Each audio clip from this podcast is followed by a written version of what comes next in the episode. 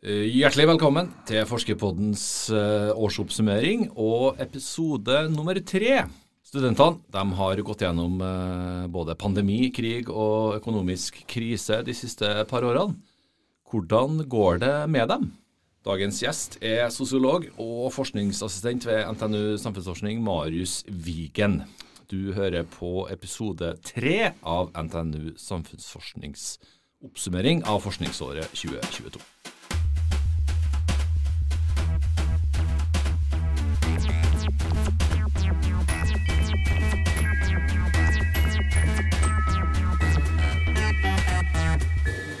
Forskerpodden er NTNU Samfunnsforsknings egen podkast og spilles inn i studio på Dragvoll i Trondheim også denne eh, desemberuka. Programleder er som vanlig Vegard Y. Smevold. Velkommen til ditt første besøk i Forskerpodden-studio, Marius. Tusen takk for det. Det er veldig hyggelig å få komme. Så bra at du er her. Eh, jeg har jo egentlig hatt lyst til å invitere deg en stund, Marius. Og når jeg endelig fikk ut fingeren, da, så, så skal du slutte hos oss. Ja, det er jo litt sørgelig, men som, som jeg har snakka med Tonje om, da, forskningssjefen, så er det ikke et breakup, men det er et på gjensyn. da, Så jeg regner med og håper at vi kan prates igjen senere. da. Ja, Så bra. Og så er du her i dag, og så skal vi kanskje komme litt mer tilbake til hva du skal etter jul. Våre forskere er jo støtt og stadig intervjua i media, og det er jo noe jeg som eh, kommunikasjonsrådgiver også jobber for. At eh, dere skal synes mest mulig, Marius. Men så er det da et navn som har eh, dukka opp til stadighet i 2022, og det er ditt, det. Hvordan har det blitt sånn? Jeg har jo sett at ja, VG, Adressa, NRK internasjonalt også, eller? Ikke ennå, men jeg kan, kan ha håp. Ja, Du har dukka opp flere plasser, i hvert fall. Og du har også vært ekspert da, på diverse arrangement som debatter, folkemøter, foredrag. Og nytt oppslag i Adressa nå senest, rett før uh, helga. Mm. Hvorfor har det blitt sånn, Marius? Nei, det er, et, det er et godt spørsmål, men jeg er jo opptatt av formidling. Og at vi som eh, driver med forskning også deler resultatene våre og det vi har skrevet og jobba om da med omverdenen. da. Mm. Så det, og det syns jeg er artig. I tillegg så er jeg jo utdanna lektor, så jeg har en sånn, jeg har nok en sånn formidlergen i meg denne plassen, som syns det er artig å ikke belære, men å, å, formidle da, til andre. da. Stå foran folk? Ja, du, det, det, er noe som har vokst for meg utover i studiet, og også nå som jeg har starta arbeidslivet, og som noe som det er kjekt å holde på med. da. Mm. Eh, en naturlig årsak til at du har blitt omtalt såpass mye i media det her året, er jo at du eh, skrev og leverte en eh, master, masteroppgave i sosiologi i 2021 som handla om fadderuka. Medievennlig tema, muligens? Eh, absolutt. Og det er heller ikke noe som er forska så mye på fra før. Og litt sånn artig med fadderuka er jo at det er eh, ganske sånn godt egna å, å studere det sosiologisk, for det er mye mye, det er et sosialt spill, det er nye relasjoner som skal, som skal eh, knyttes. men det er også eh, Du har makt. Det, så det er mange ulike faktorer som gjør at fadderuka da, er et ganske interessant eh, tema da, sosiologisk. Mm. Hvordan opplevde du denne spesielle, men etter hvert veldig tradisjonsrike inngangen til studiene sjøl. En, en, periode da, som jeg både elska og forhatt, kan vi si. Hvordan eh, hadde du det under fadderuka di? Husker du det? Jeg husker jo godt tilbake til fadderuka. Det, det, er klart at det er jo noe med den her Det som jeg skal bite meg veldig merke når jeg var student sjøl, det var det her, den første kvelden du kommer dit, og så vet du at de som sitter i rommet, det skal bli dine medstudenter de neste fem årene. Du kjenner ingen, men men du vet at noe kommer til å skje, da, men hvordan, det, altså hvordan den veien der blir, blir gått til, det, det, vet du ikke. sånn at eh, Det var også noe som jeg valgte å fokusere en del på i egen oppgave. Det her med den første kvelden, å ta tak i de forventningene man har til, til studiemiljøet sitt. da. Eh, og for min del så syns jeg fadderuka funka veldig bra til å komme inn i studiemiljøet. Og så var det ikke nødvendigvis dem som eh, ble mine venner sånn langsiktig, da, men det var veldig sånn, sånn myk overgang. Mm, man trenger noen sånne i starten. Ja, Bli sosialisert inn i et miljø, rett og slett. Tror du òg da at uh, den tida vi lever i, har gjort at media har vært ekstra interessert i det her med fadderuke de siste par årene? Det har vært både pandemi og det har vært Det er krig i Europa. Uh, økonomisk krisetid. Eh, og jeg tror jo da dagens eh, medier, eh, journalister, er opptatt av hvordan de unge har det, fordi det er godt eh, lesestoff. Du har truffet flere av dem det her siste året, Marius. Hva er ditt eh, inntrykk? Hvordan går det med ungdommene våre? Du, eh, det går greit med ungdommene. Men det som, eh, det som jeg merker, er at de føler at de har gått glipp av noe. De er på etterskudd og føler seg litt frarøva en del situasjoner. Og det kan jeg forstå. Eh, mange hadde planlagt å reise, de hadde planlagt friår, de hadde planlagt eh, russetid, eh, fadderarrangementer, og plutselig så ble alt revet bort. Mm. Eh, nå føler de at de er på etterskudd, Mm. og at de skal ta igjen da, mye av det de har gått glipp av. Mm. Eh, og Det slår ut ulikt for, eh, for ulike. og det, Noen eh, syns plutselig det er skummelt da, å skulle være sosial igjen, møte mye nye folk. Mens andre mm, føler at de har det travelt da, og skal på en måte ta igjen litt ekstra. da. Mm. Sånn at eh, det har vært veldig spennende å prate med dem. også. Mm. Men når de skal ta igjen det tapte da, fra pandemien, føler de at eh, dagens situasjon er egentlig et, en ny eh, stengsel òg?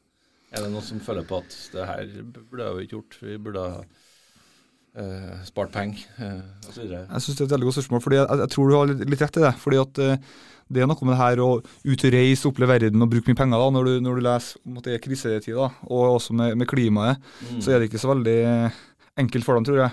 Men de har også en veldig bevissthet. da, De, de omtaler seg sjøl som koronakull.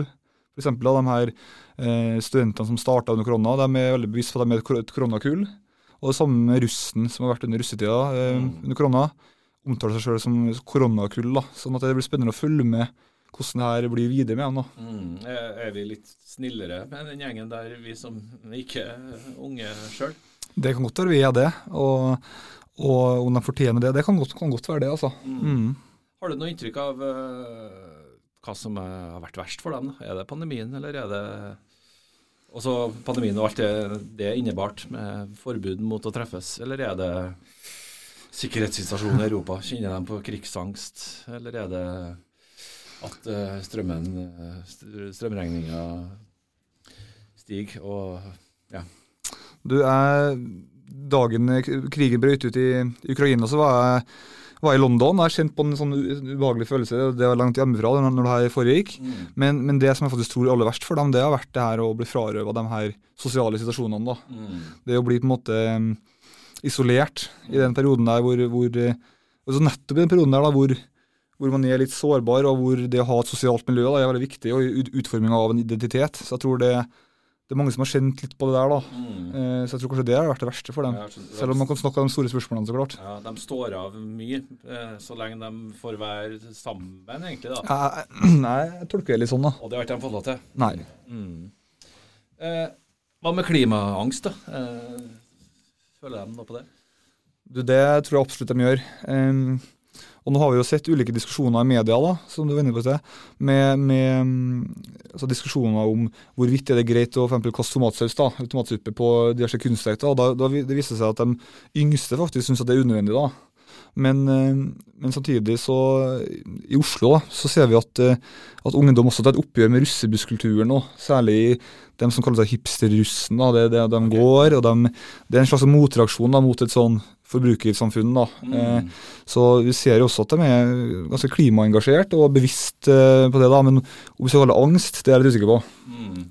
Ja, for du har også, du har også truffet en del russ. Altså de som er på steget før eh, fadderuka. Mm. Du har hatt et arrangement her i eh, forrige uke. Er det noen forskjeller på hvordan 18-19-åringene har hatt det de siste årene, og 22-åringen? Eh, Det er et godt spørsmål. Det er nok kan godt tenkes at studentene føler seg mer frarøva situasjoner enn en russen. Mm. Men også russen er ganske tydelig på at de føler seg litt ekskludert av samfunnet. da. Og at det igjen da kanskje kan bidra til at russen på enkeltnivå blir, blir, eh, blir ekskludert. da. Mm. Sånn at eh, eh, I tillegg så har de fått beskjed De har fått beskjed om nå må dere møtes i små grupper. Og så får de også kritikk for at de ekskluderer folk. Ja, ikke sant. Ikke sant? Mens eh, samfunnet har jo ikke tillatt at det har vært flere enn de, enn de er heller. Sånn at det, Mm. det, jeg tror de syns det er vanskelig å forholde seg til det her. da. Veldig vanskelig skvis, rett Mm. og slett. Ja, ja, for at student, som du sa, studentene kanskje følte enda mer på det. De har jo flytta hjemmefra i tillegg, da. Eh, Mm. Ekstra sårbar eh, sånn. Ja. Mm. Eh, nå er jo ikke denne masteroppgaven din om eh, fadderuka, Marius, no, eh, noe som direkte kan knyttes til jobben din eh, i NTNU samfunnsforskning i dag, Mm. og prosjektene dine kolleger jobber med der, men eh, på ett vis så er den kanskje tett knytta opp mot forskninga vår eh, likevel. Og da tenker jeg på det som handler om inkludering, mangfold, og også samfunnssikkerhet. Mm. Hva tenker du sjøl om eh, det? Jo, det, det, det er et godt spørsmål.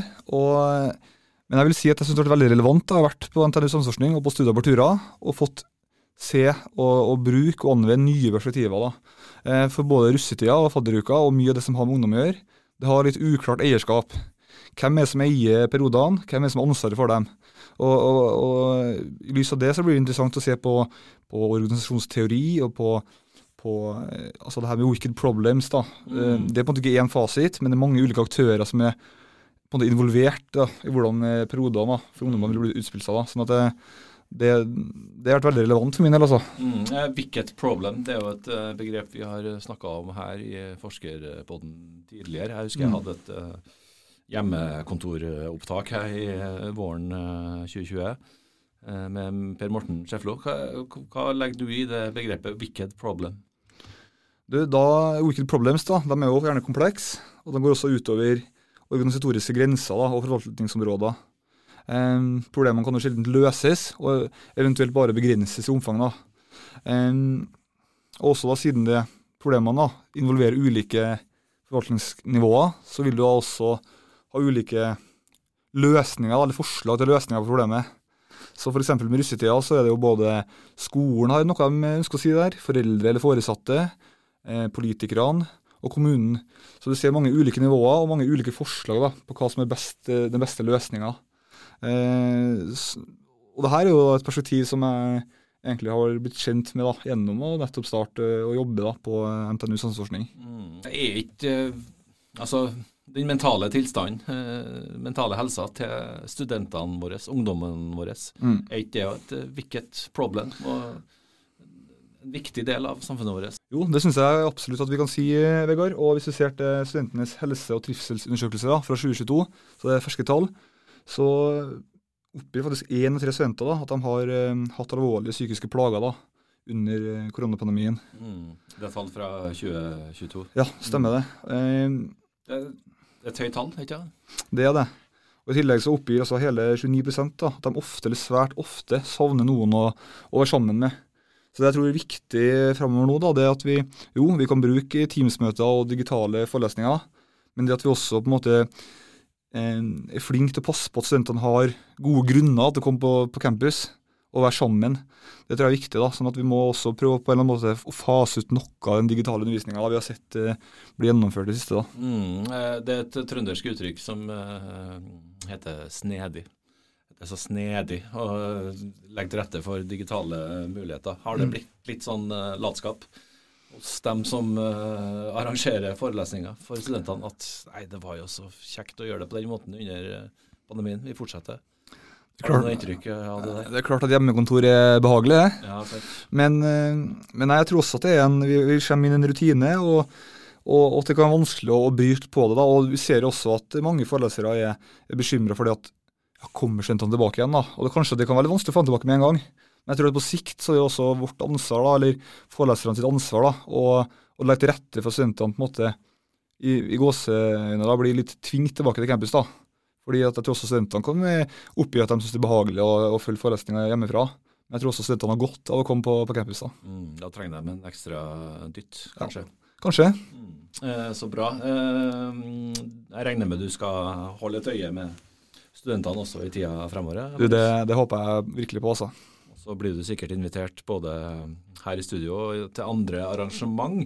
Eh, Du skal snart få ta juleferie, Marius, men Mm. eh, vi må ta opp igjen tråden fra det vi starta med. Ja. Eh, Når ferien er over på nyåret her, så er du ikke tilbake hos oss i NTNU samfunnsforskning, som sagt.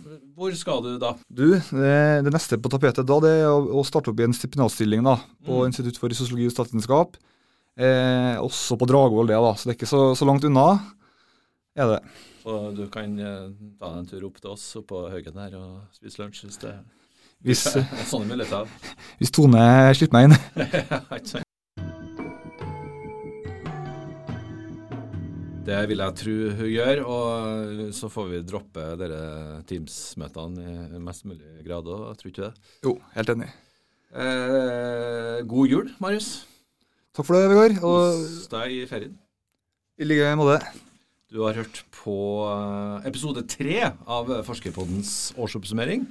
Forskerpodden er NTNU Samfunnsforsknings egen podkast, og navnet mitt er Vegard Ystad Smevold.